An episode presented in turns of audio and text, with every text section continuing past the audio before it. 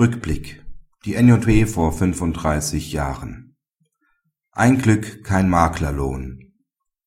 Das Investment ist schon teuer genug und dann kommen zum Ärger der Käufer oft noch hohe Maklergebühren hinzu.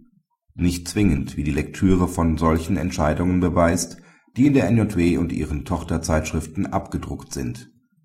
Eine Entscheidung, die in der NJW von vor 35 Jahren veröffentlicht ist (BGH NJW 1974, Seite 1130), betrifft die interessante Konstellation, dass der Makler an der Vertragsgegnerin des Auftraggebers, einer Kapitalgesellschaft, beteiligt ist.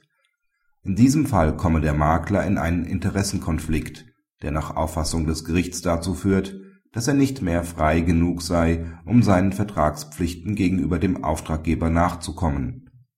Auch der Nachweis einer Vermittlung noch vor konkreten Kauf und Verkaufsabsichten bringt keinen Lohn für den Makler. So steht es im Leitsatz des OLG Frankfurt am Main auf Seite 1827 im aktuellen Heft.